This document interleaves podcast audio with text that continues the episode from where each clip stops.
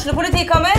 Ine Jansen er purk. Er du purk? The motherfucking bitch. Alt jeg vil, er å finne ut hva som skjedde med mannen min. Jon Carew. Er jeg sikta for noe? Iben Akeli. Det er du.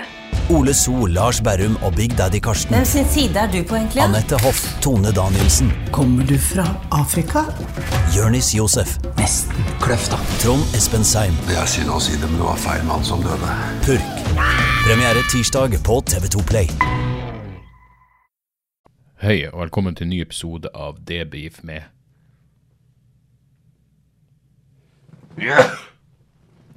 Åh, det var starten sin. Velkommen til Debrif med Dag Sørås. Uh, første ting først, som det så fint heter. Jeg skal ut på turné med nytt show som heter Apokalykke. Og turneen, starter om ganske nøyaktig en måned. Da er det førpremiere på Finnsnes, Finnsnes kulturhus 16.2. Og så er premiera uh, i Tromsø, Tromsø kulturhus 17.2. Der er det bare en håndfull billetter igjen, men så er det også et ekstrashow lørdag 18. Tromsø kulturhus der, altså. Og så fortsetter det over det ganske land. Eh, alt av eh, turnédato og billettlinker ligger på hjemmesida mi dagsoras.com. Eller hvis det er for komplisert for deg, gå inn på apokalykke.no. Jeg håper å se dere der ute. Jeg gleder meg som fanden til å komme i gang. Ellers så har jeg rukket å, eh, å bli et år eldre eh, siden, eh, siden sist. Jeg runda eh, Jeg runda 45 på mandag, faktisk. Tru det eller ei. Og eh, jeg vet ikke. Jeg, jeg, jeg hadde jo mange år hvor jeg, ikke, hvor jeg oppriktig talt ikke huska hvor gammel jeg ble. Um, som, som seg hør og bør, egentlig. Det er jo generelt ikke noe man går og tenker på. Jeg var veldig avslappa til det å skulle bli 40, og så fikk jeg vel en eller annen form for uh, mild midtlivskrise i løpet av pandemien. Rett og slett bare fordi det ga meg tid til å eh, Det var, det var tvungen nedbremsing. Eh, Stoppe opp, tenke over hvem man er, hva man gjør her i livet. Og det ga meg en eller annen Ja, det var ikke en utelukkende eh, utelukkende hyggelig opplevelse, til tross for at jeg er eh, strålende fornøyd med det jeg driver på med. Jeg ser ikke for meg noe annet jeg har mer lyst til å gjøre enn egentlig akkurat det jeg gjør. Um, så det er ikke det. Det er ikke der skoen uh, er ubehagelig. Men eh, 45 er liksom Ja, da er virkelig, som, som sønnen min liker å si til meg, til det fuckings frustrerende kjedsommelige, så er jeg nærmere 50 nå eh, enn 40. Eh, og han, han driver og kaller meg 50. Jeg husker, mulig jeg nevnte det før, men jeg husker at morsan Jeg vet ikke hvor gammel farsan ble, men morsan klarte å lure alle i familien, inkludert faren min, til å tro at han ble ett eller to år eldre enn han egentlig ble.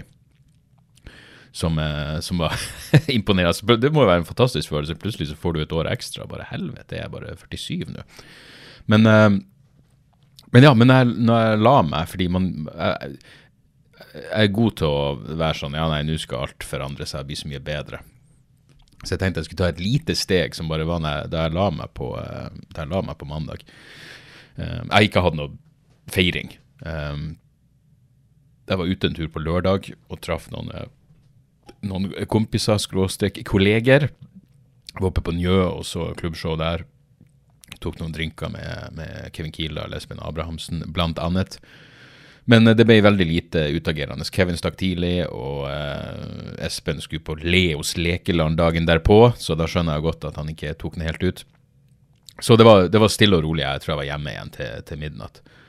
Og så var det liksom eh, pakka og kake og alt det der med familien på søndag, eh, fordi på mandag var en vanlig dag. Men jeg la meg på mandag, så tenkte jeg ok, jeg må, jeg må i stedet for å sovne til en podkast For jeg, jeg lurer på om det gjør noe med, med drømmeprosessen min, at, at eh, drømmene blir ja, på et eller annet vis prega av det jeg ligger og hører på. Jeg, for å si det sånn, hvis jeg sovner til en podkast om Wagner-gruppa, eh, paramilitære Putin-armeen som eh, fungerer som både ja, nådeløse eh, torturister og henrettere i Ukraina, i tillegg til å i tillegg til å bruke som kanonføde, virker det som. Hvis jeg sovner til det, så er det mulig at, at drømmene ikke blir eh, så harmoniske som de ellers ville vært. Og det må jeg bare si. Jeg, jeg vet ikke, jeg, jeg, har sånne rare ting som jeg henger meg opp i, som um, er sånn som det der at jeg syns uh, Jeg liker ikke når politiet bruker humor på Twitter. Um, selv om det er gøy av og til, så liker jeg ikke det. Jeg vil at de skal være kald og nøktern og eh, kun informere om eh, rene fakta. På den samme måten så, så blir jeg ukomfortabel av journalister som er følsomme. Og nå er jeg jo et følsomt menneske sjøl, og, eh, og, og, ikke redd for å tørke tårer. Jeg tørka, um, jeg tørka tårer i sted, faktisk. Jeg tørka et par tårer mens jeg hørte på låten uh, 'Tell Her What I Said' av uh, The Sadies. Og det var nok til at uh, den, den, låten er bare fantastisk, og, og, og, teksten er ren poesi. Og da måtte jeg tørke en liten tåre. Jeg ble rørt. Så ingenting til forkleinelse for å være en følsom faen.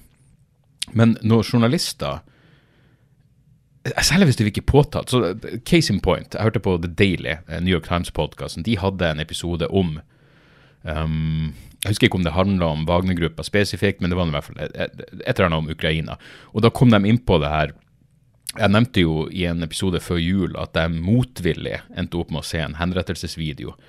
Um, en fyr som får uh, knust hodet. En uh, russisk krigsfange viste seg å være en fyr uh, fra Wagner-gruppa. Så ja, kanskje episoden handla om denne fyren. Men uansett, grusomme saker. Det skal faen vite. Men hun denne som, som leder podkasten, hun intervjuer en journalist som, som, er i Ukraina, så er hun så jævla Oh my God, Mike! Oh my God! What are you saying? What are you telling me? Hun er så, det er så jævla mye følelsesutbrudd. Og det er sånn, fuckings, det er ikke jobben din.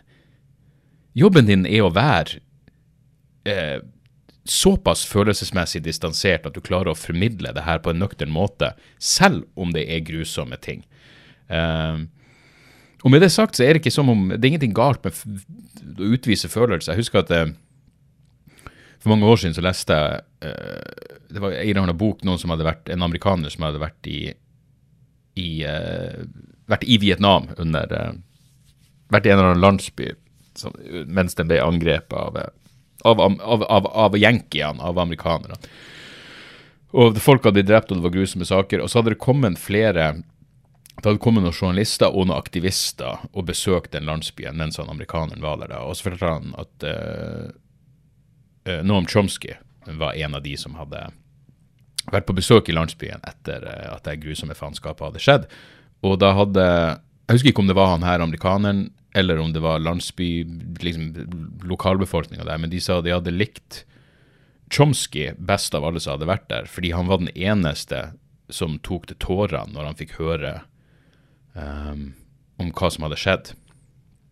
Og det er jo uh, en helt fuckings naturlig menneskelig reaksjon på, på, på, på si krigsforbrytelser. Men, men det, det, er tid en tid og et sted for, uh, for alt. Um, så ja, så det var poenget mitt. Hvordan, hva, hva, begynte det her med? Jo, det var det at jeg skulle legge meg og sove uten noe på ørene. Så jeg leste meg, jeg la meg for å lese ei bok. Uh, men når jeg da la den ifra meg, så jeg sov til jeg nesten Jeg leser til jeg nesten begynner å duppe av uh, mens, mens, jeg, mens jeg leser. Men når jeg da la og det her skjedde et par ganger før. Jeg husker at det skjedde under covid. Det som, det som skjer, er at jeg, det er et eller annet som kverner underbevisst. Og så sovner jeg, men så våkner jeg etter ca. tre kvarter til en time. Og så kan jeg bli liggende våken lenge mens jeg driver og eh, Ja, mens det, mens det kverner i skallen. Og det skjedde, jeg husker det skjedde under covid. Helt i starten, når man ikke visste hvor farlig det var, så lå jeg plutselig fikk en sånn Jesus, hva hvis jeg får det faenskapet? Hva hvis familien min får det? Jeg vet ikke om det var rekkefølgen jeg tenkte. jeg vet ikke om det var bekymringen mine i rekkefølge. Men, men på, på, bursdagen min da jeg la meg, så, så uh, For det første så er jeg så jævla Jeg, jeg er så forbanna barnslig eh, Hva er ordet? De sier anal på, no, på, eh, på engelsk. Hva betyr det egentlig?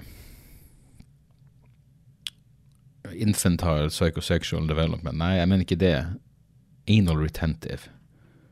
Er det det ordet jeg ser etter? Anal retentive.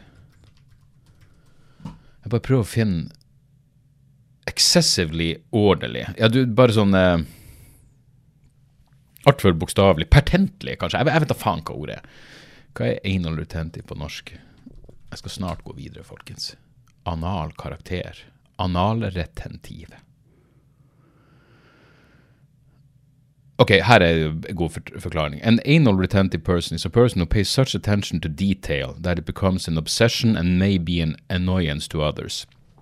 I dette tilfellet er det jo kun irriterende for meg sjøl. Men poenget er at jeg vet at jeg er født klokka Jeg poppa ut av min kjære mor klokka 23.58. To minutter på midnatt. To minutter fra å være en dag yngre enn jeg er. Uh, men derfor vet jeg at ja, 23.58, så jeg driver jo på å prøve å gå ned i vekt nå fordi eh, jula var utagerende, så bla, bla, bla. Ditt og datt. Snork. Men jeg gjør selvfølgelig et unntak på, eh, på, bursdagen min, så da har jeg spist kake og jeg spist sjokolade. Og så ligger jeg der og eh, glor på nei, Echo 3, den er nydelig Det er liksom snakk om å se på noe hvor du ikke trenger å tenke.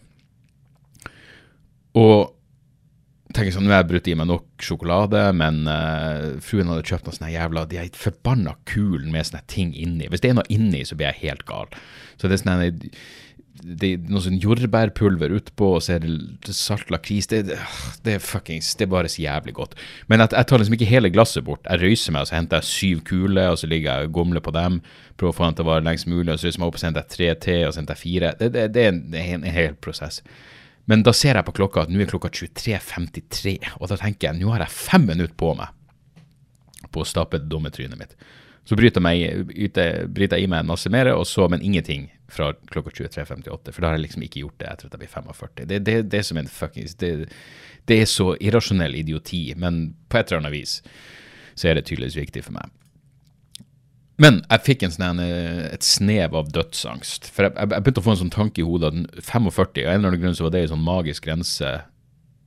Og igjen, det gir ingen mening, men en sånn magisk grense hvor uh, man plutselig bare kan dø av hva som helst, og folk er sånn eh, ja, ja det, det kan jo skje, eh, og det skjedde tydeligvis her.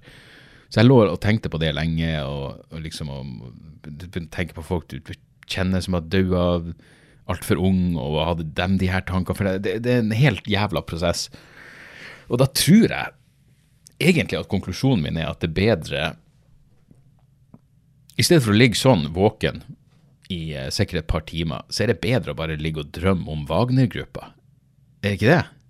Da våkner du i det minste opp litt mer uthvilt enn bare Faktisk, de ringene under øynene mine er markant nok som det er, men, men, det blir ikke bedre av å ligge og vri seg i dødsangst i 120 eh, minutter.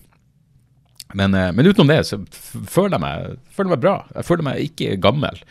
Um, jeg tror nok jeg har hengt opp jeg, jeg, kunne trengt et sånn perspektiv, radikalt perspektivskifte um, i forhold til det aldersgreien. Fordi det er jo sant at det virkelig bare er tall, og det er jo egentlig ikke noe som er jeg vet ikke. Jeg, jeg, føler meg fortsatt som en fuckings unge på mange måter. I hvert fall i jeg, jeg, Det er stadig ting jeg går og gleder meg til. Det kommer bøker og filmer og musikk og, som jeg er spent på. og Hver dag jeg våkner opp, så er det alltid et eller annet jeg skal sjekke. og så jeg holder meg jo Ja. Jeg, jeg, jeg satt her tidligere i dag bare og leste aviser og jeg, jeg, jeg, vet at det er jævlig irriterende hvis jeg sitter og leser noe, og så ser jeg at fruen også sitter og leser noe, så avbryter jeg bare hun med å si ting høyt. Og nå drev jeg og leste om eh, det her jeg håper å kalle det rolleblandingsutvalget. Rolleforståelsesutvalget har jo levert sin rapport om uh, Norsk Narkotikapolitiforening sine og det norske politiets uh, ja, skal man si sammenblanding av roller. Og jeg satt og leste det og ble genuint sint. Jeg hørte på Dagsnytt 18. Per-Willy Amundsen. Jeg mener, tenk nok en gang. Tenk at det her mennesket har kommet seg så langt opp og frem i det norske samfunnet. Per-Willy Amundsen. Et mer langt under middelmådig intellekt skal du vel leite fuckings lenge etter. For en jævla tomsing i ordets rette forstand. Og han har vært justisminister. Men uansett. Så jeg sitter og leser det her, jeg hører på Dagsnytt 18, jeg blir genuint sint. Eh, Altså sinne. Det, det, det, er en- forskjell på engasjement og sinne, og, og det er ikke noe galt i noen av delene, men av og til så glir engasjementet over i sinne. Og, var, og så begynner jeg å kjefte, og fruen blir sånn Ja, OK, jeg gir nå egentlig faen. Eh, jeg hørte hørt deg jabbe om den jævla NRPF en million ganger, men det var godt å føle på eh, et oppriktig engasjement igjen. Så, så ja, det bikker ikke over i hat så veldig ofte for meg. Sånn som jeg, jeg gjorde en eh, jeg gjorde en uh, Patrion-episode i går eller i overgår. Og da, jeg gjorde sånn med spør, hvor folk sender inn spørsmål. Og da var det liksom et av spørsmålene topp tre personer som irriterer meg. Det slo meg, det er ikke så jævla mange som egentlig går og irriterer meg. Det er mer sånn fuckings institusjonell irritasjon. Eller irritasjon på institusjoner. Sånn som det er at det gjelder NMPF, at jeg har Ja. Bare det å møte opp på skole i politiuniform, men du er der som privatperson. Du er der som representant for en privat propagandistisk interesse. Eller man kan legge bort alle det. Jeg skal legge bort alle de eh, karakteristikkene der. Du er der som representant for en privat interesseorganisasjon, en lobbyorganisasjon, og så står du der i politiuniform. Jeg mener, jeg tror hvis det finnes en organisasjon, det motsatsen til Norsk Narkotikapartiforening, er noe som heter LEAP Scandinavia. Så for Law Enforcement Action Partnership Scandinavia. En forening, vi er en forening i et internasjonalt nettverk av nåværende og tidligere justisansatte, politi, tollvesen, kriminalomsorg, på, på, påtalemyndighet og andre, som ønsker nye løsninger på, problemet, pro, på problemer der straffebaserte politiløsninger viser seg å ha dårlig eller negativ effekt. Um, arbeider for rusreform og finne alternativ til dagens utstøting av de mest sårbare i samfunnet. Så de har liksom fire eh, prinsipp. Hjelpe, ikke straffe. Kunnskapsbasert ruspolitikk. Streng regulering, ikke glem den. Og nummer fire, redusere misbruk. Tror hvis noen hadde møtt opp i politiuniform på et Leap Scandinavia-arrangement hvor de sto i politiuniform og hadde ei rasjonell tilnærming til ruspolitikk, det ville blitt fuckings ramaskrik. Og det er noen ting i denne rapporten, hvis du ikke blir provosert av det her, så, så, så skjønner jeg ikke. Altså, i 2006 uh, så gikk Hvor faen var den her? Uh, ja, uansett, i 2006 så gikk representanter for NNPF i Haugesund inn på en butikk og ba dem fjerne T-skjorte med legaliseringsbudskap og eh, sikkert noe hasjblad og noe greier. Hvor faen var det jeg så det her?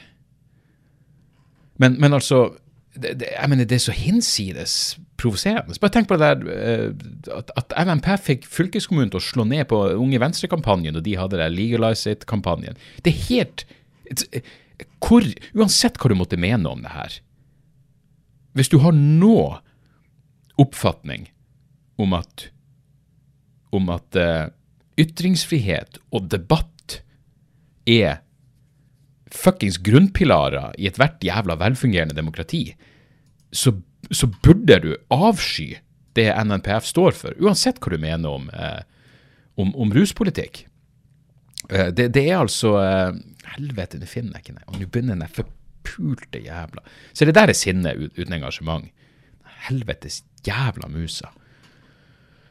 Å uh, nei, jeg snakker ikke om Jeg snakker ikke om justisministeren. Uh, men det var, det var til og med en uh, Nå skal det sies, selvfølgelig NLP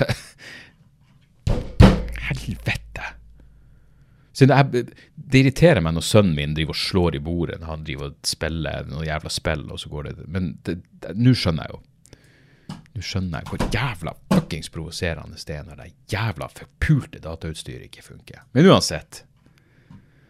Fuck det jævla dildoene. Det kom en med Hvor var det? Det var filter som hadde de 19 mest sjokkerende. Uh,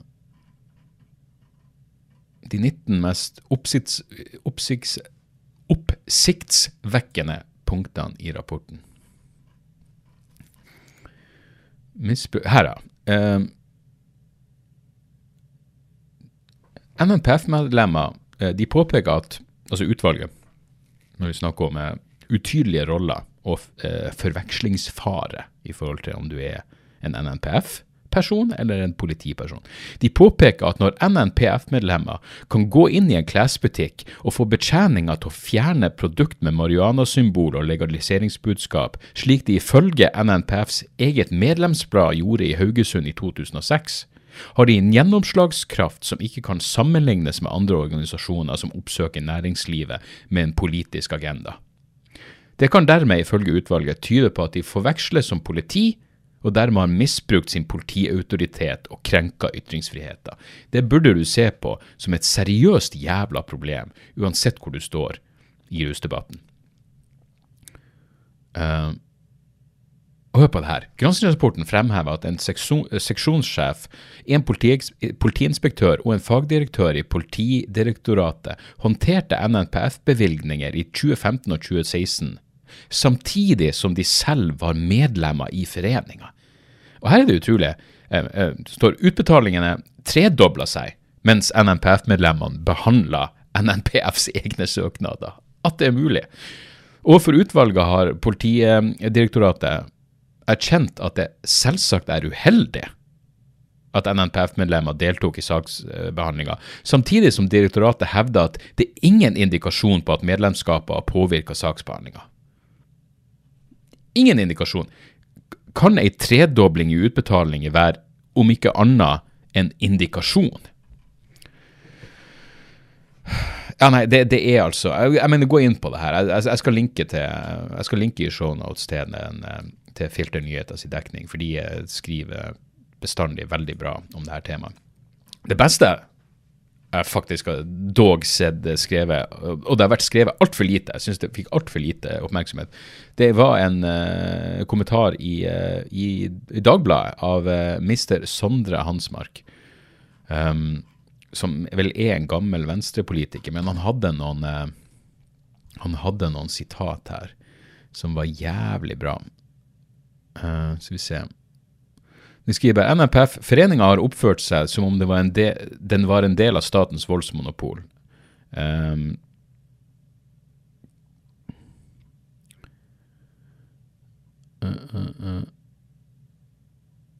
ja, og selvfølgelig ja, det, det, Men det er en god analogi.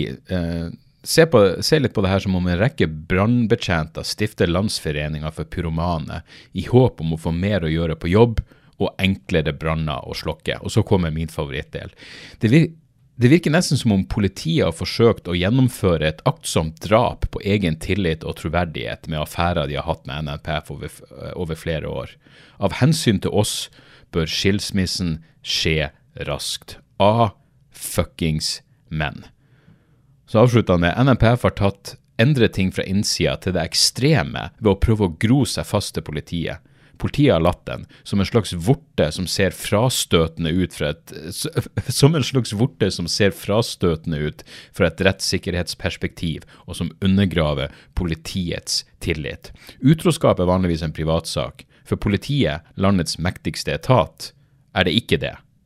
Og bør, og bør det føre Er det her en rar setning? Utroskap er vanligvis en privatsak. For politiet, landets mektigste etat, er det ikke det, og bør det føre til full offentlig skittentøysvask. Drit i setningsoppbygning her. Semantikken er det viktigste. Det her er rett og slett eh, en, en knallkommentar eh, med overskrift 'Politiet har vært utro'.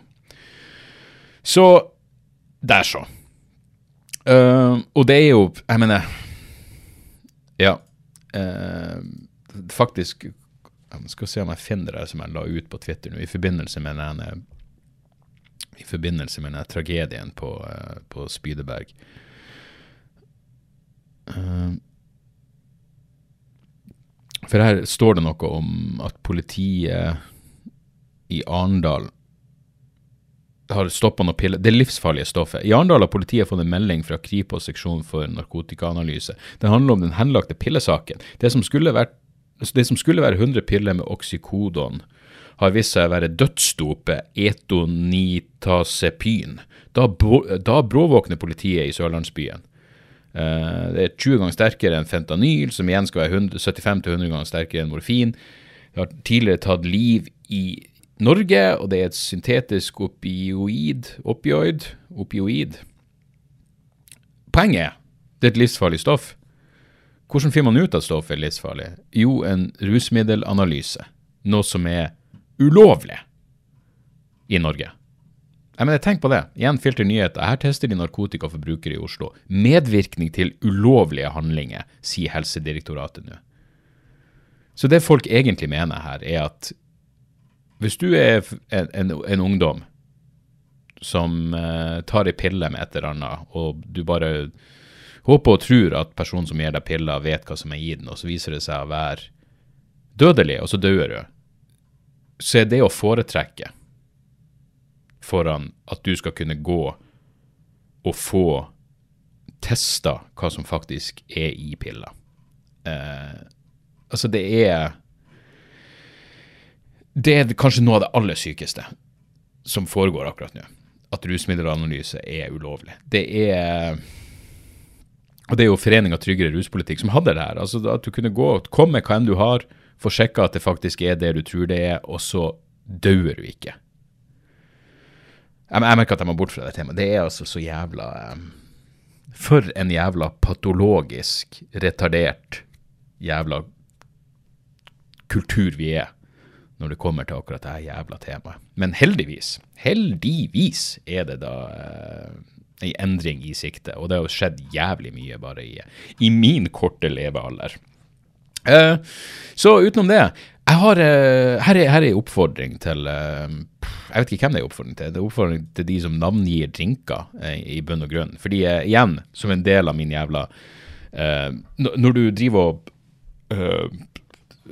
kaloriteller så jævlig dølt som det enn må være, så, så slår det jo én stakkar uh, at, det at det er jævlig mye kalorier i det man bryter i seg uh, av, av, drikker, drikkevarer, alkoholholdige drikkevarer på byen.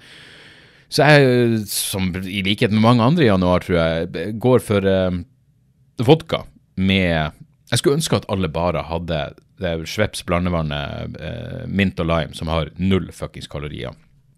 Og ellers så har du jo tonic soda-vann er jo bare vann med kullsyre. Jeg, jeg vil ha en fuckings vodka med kullsyrevann og en bit lime.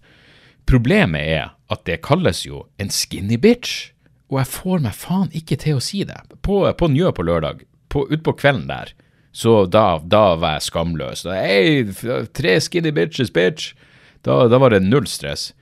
Men uh, i starten, når jeg er nykter, så er det altså så jævla flaut. Jeg vet da faen, føler, jeg føler meg som uh, Jeg føler meg ikke som ei skinny bitch, på noen måte, men, men, jeg føler meg som en fjott. Hvis jeg som 45 år gammel mann går og bestiller ei skinny bitch, da sier jeg kan jeg få en vodka Farris. Uh, problemet da er at to ganger nå så har bartenderen sagt 'Å, du mener ei skinny bitch'? Egentlig ikke. Egentlig ikke. Jeg vil, jeg vil, jeg vil ha vodka Farris. Um, ja, det må da finnes en fuckings Kall den, kall den en feit faen. Det hadde vært mye bedre. Jeg er en feit faen. Jeg vil ha en vodka eh, Faris. Det hadde vært adskillig, adskillig bedre. Og igjen, det er jo en av de tingene hvor man bare blir sånn Ja, kanskje det normaliseres etter hvert. Det er sånn så, jeg, jeg husker jeg pratet om tidligere at eh, jeg liker ikke ordet kondolere. Fordi det, det høres for klinisk ut. Så hvis, hvis noen uh, Altså Hvis jeg kjenner noen veldig godt, så vil jeg ikke si kondolere. Men hvis du, det er noen som kanskje er litt mer bekjent, eller bekjent, eller whatever, så, så slo det meg det, Hvem bryr seg om hva jeg syns om ordet kondolere? Det er et ord som har en funksjon, så si nå fuckings det. Jeg mener Hvis det er noen som står med nær, så sier jeg ikke kondolere. Da sier jeg helvete, det var for jævlig. Men, men, men bare som en sånn Jeg er tilhenger av det, ene. de enkle sosiale reglene som gjør at vi alle kommer oss gjennom det her livet med minst mulig hinder i veien. Um, men allikevel, fucking skinny bitch. Vi, vi, må finne, vi, må kunne finne, et bedre navn. Og så er det jo bare at man, man innbiller seg det, det, er nesten noe Det er nesten noe, noe, arrogant over å tro at man vet hva som foregår i hodet på andre. Sånn så jeg, jeg, jeg, må, jeg måtte fære og hente eh, Rickdog har jo fått eh, har jo fått Jeg tror ikke jeg nevnte det her i eh, Eller gjorde jeg det? Ja, uansett. Eh, første nyttårsdag så jeg gikk tur med bikkjene, og så var det noe, noen folk som hadde satt igjen noe fyrverkeri, og så en sånn, en sånn en boks med en masse faenskap, og så var det noen småunger som tente på det, og det gikk plutselig det gikk plutselig av og smalt noe jævlig, og det kunne gått galt med de småungene. De kom seg unna i siste jævla sekund. Men uansett, vi var kanskje ti meter unna, og Rick skvatt så jævlig at han Det skjedde et eller annet, og han, han kom med en sånn eh, smertelyd som jeg trodde var at han var redd, og så viser det seg at han har eh, det skjedde noe med foten hans. Han har fått noen forstrekning eller noe faenskap i foten. Uansett, det betyr at han også går på to forskjellige typer medisiner nå. Eh, For, jo, fordi i tillegg har han selvfølgelig fått nesemidd. Og nesemidd er det er ganske jævlig. altså, Jeg kan huske um, eh, vi, vi trodde det var det Morty Dog hadde. Fordi nesemidd betyr at det begynner sånn Det høres ut som du får et jeg vet faen, et epilepsianfall, eller du er i ferd med å dø. Det er ganske skummelt. Og så har jeg en venninne som er som er eh, veterinær. Så jeg, filmet, jeg husker jeg filma Morty når han holdt på sånn der, og så var hun sånn Ja, det er garantert nesemidd, så det er ikke noe stress, du får noe medisin. Og I Morty Dogs tilfelle viste det seg å være mye mer alvorlig, det er jo det at han er allergisk mot livet. Men i Riks tilfelle, for han begynte på samme måte, og jeg tenkte ja, det skulle jo faen meg tatt seg ut om ikke Rikdog også hadde noe jævla genetiske problem. Men, men ehm, i hans tilfelle så viser det seg at det er nok nesemed. men han må, han må ha medisin mot nesemed, og så må han ha smertestillende for foten sin, og i tillegg så skal jo Morty gå jo på en sju-åtte forskjellige medisiner. Så jeg kommer da, jeg er på vei til til, til apoteket, og jeg fikk en sånn følelse av Først henta hun alt det der til Rick, og så sier jeg, så må jeg ha det her også, en annen, en annen resept. Og så sier og hun bare, er det, jeg bare, ja, det er, til, til Morty i dag. Hun bare, er det her til en annen hund? Og jeg bare, ja, ja, jeg har to hunder, og begge er fucked. Og i det, i det øyeblikket jeg sa det til henne, så fikk jeg en sånn følelse av at hun, hun tror at det her er en sånn jævla Münchhausen by proxy når det kommer til bikkjer. At, at At jeg driver fuckings gjør bikkjene mine sjuke, så jeg skal få sympati og oppmerksomhet. Det er virkelig ikke det. Det var nesten så jeg kommenterte det.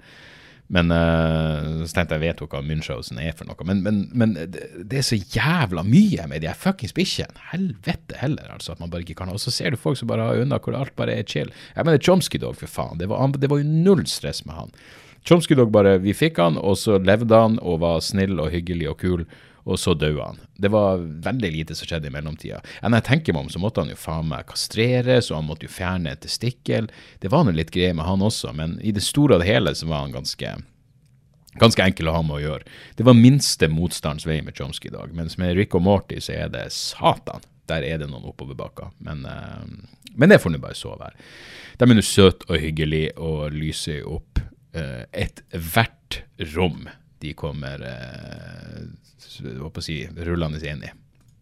Jeg tror det var ukas episode, fordi jeg har tenkt meg på et, eh, en aldri så liten debatt om eh, algoritmenes uh, makt og uh, hvordan big tech påvirker uh, ytringskultur og Hva faen var det? Kanskje algoritmens makt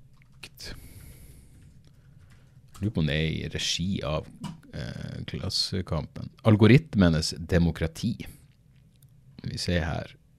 Klassekampen tar debatten om big tech og algoritmenes tidsalder. Vi stiller spørsmålet hvilken innflytelse har disse selskapene over den offentlige samtalen, og hvilke konsekvenser har det for ytringsfriheten? Det er jo sånn som jeg burde dra og få med meg, bare for å få noe, noe input i den jævla skallen min. Eh, så jeg, jeg vurderer, og, men det starter jo om en liten time, så da må vi jo rett og slett eh, da må vi jo, jeg må både, både snyte meg og fikse meg på håret før jeg drar.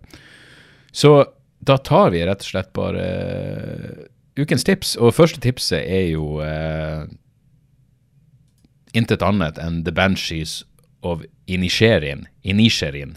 Ini, jeg klarer ikke å huske hvordan de sier det i filmen. Inisherin. Som Jeg så noen intervju med, med Martin McDonough, han regissøren, og han sa at det her er ei fiktiv øy da, eh, på vestkysten av Irland, tror jeg. Men det er jo Det er jo ei øy. Jeg slår det her opp på Google Maps. Det er jo ei øy i Irland som heter Inishe...